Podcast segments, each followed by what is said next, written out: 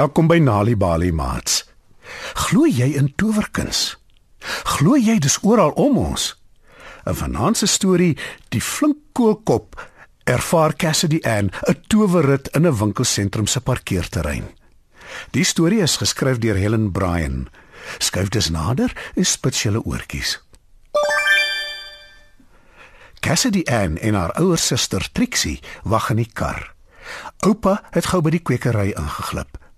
Hy het beloof hy sal nie lank vat nie en hy kan hulle dophou deur die heining wat om die kwekery gespan is. Die parkeerterrein is leeg behalwe vir 'n eislike trok aan die ander kant van die dammetjie voor die kwekery. Die trok is vol plante en 'n paar mans is besig om die plante af te laai, dit op trollies te sit en by die kwekery in te vat. Cassidy Ann sien hoe oupa aanderkant die heining rondloop en die roosbome beskou.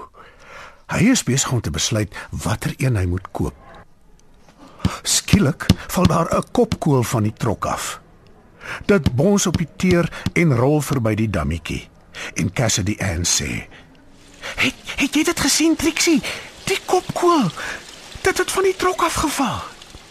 Trixie wat besig is om 'n boek te lees, kyk verveeld op en sê: En wat daarvan? Dis net 'n kopkoel. Cassidy Ann kyk om te sien of iemand die kopkoel gaan optel.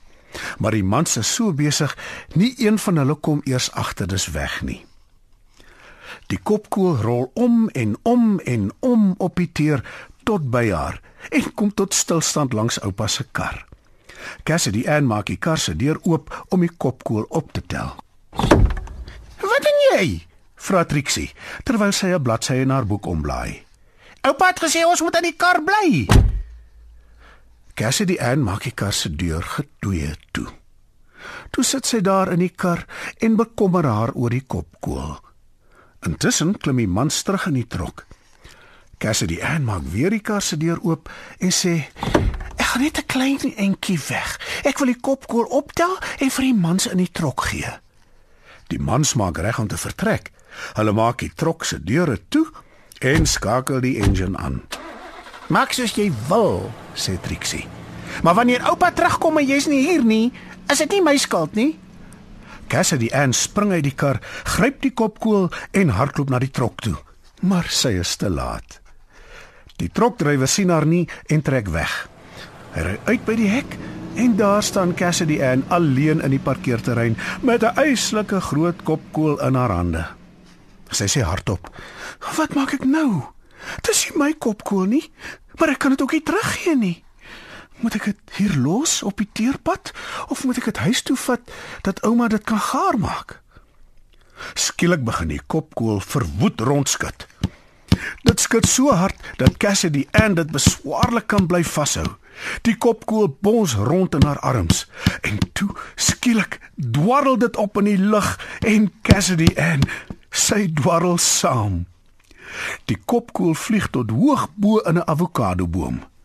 Toe val dit skielik weer onder toe en bons op die teerpad.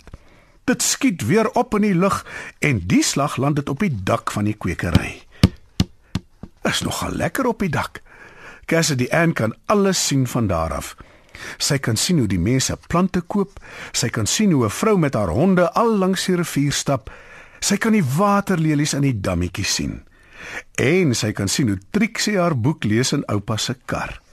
Dis nogal pret, dink sy. Maar die flink kopkoel raak rusteloos en begin weer bons. Dit skud en dit ruk en dit wrummel rond. Cassidy Ann moet baie styf vashou om te keer dat die kopkoel nie wegkom nie. "Waarheen gaan jy nou?" roep sy wanneer die kopkoel 1, 2, 3 keer in die lug opwarrel en weer afkom tot op die dak van die kwekery. Dit warrel weer op en land in die dammetjie. Water spat oral. En dan skiet die kopkoel weer op in die lug. Cassidy Ann giggel en klou vir al wat sy werd is. Dit land weer in die dammetjie. Water spat oral en 'n vrou met 'n bos blomme word sopnat gespat. Voordat sy vies kan kommentaar lewer, skiet die kopkoel weer op in die lug. Al hoër en hoër vlieg die kopkoel. Naderhand kan Cassidy Ann die wolke ruik en voel hoe hulle haar hele lyf en haar klere klam maak. Van deur bo af lyk die parkeerterrein soos 'n speelgoedgarage en oupa se kar lyk soos 'n speelgoedkar. Cassidy Ann sien hoe oupa uit die kwekery uitgestap kom. Hy stoot 'n trolly met 'n eislike roosboom daarop. Net toe begin die kopkoel weer ruk en skud. Toe begin dit val en val. Cassidy Ann weet sommer hulle gaan op die roosboom met al sy dorings te lande kom. Sy roep hard: "Pas op, oupa! Pas op!" Oupa kyk op en roep: "Cassidy Ann, wat op aarde maak jy? Hoekom vlieg jy deur die lug met Ah! Ooh! Eina! roep oupa en vang Cassidy Ann in sy arms net voordat sy op die roosboom beland. Maar oupa verloor sy balans en val saam met Cassidy Ann in die dammetjie. Gelukkig is dit nie baie vol nie. Maar 'n padda skrik om mors dood en spring vervaard uit die dammetjie. Die padda kwak hard. Oupa sit pens en potjies in die dammetjie met 'n waterlelieblaar op sy kop. En Cassidy Ann se rok is grasgroen van die sluik in die dammetjie. Trixie kom aangedraf en help oupa op. "Wat het gebeur?" vra sy. "Hoe het julle albei in die dammetjie beland?" "Cassidy Ann het my ingestamp," sê oupa. "Nou ek dink dis wat gebeur het. Ek, ek kan nie so mooi onthou nie." Dit was 'n towerkopkoel. Dit het heeltyd op haar afgespring, verduidelik Cassidy Ann. Ek het dit vasgehou. Toe spring dit op die dak en op die boom en vlieg hoog bo tussen die wolke met my. En toe val dit skielik af en ek land byna op die roosboom. Gelukkig het oupa my betyds gevang. Jy en jou verbeelding, sê Trixie. Al wat jy eintlik is, is stout. En verder jok jy.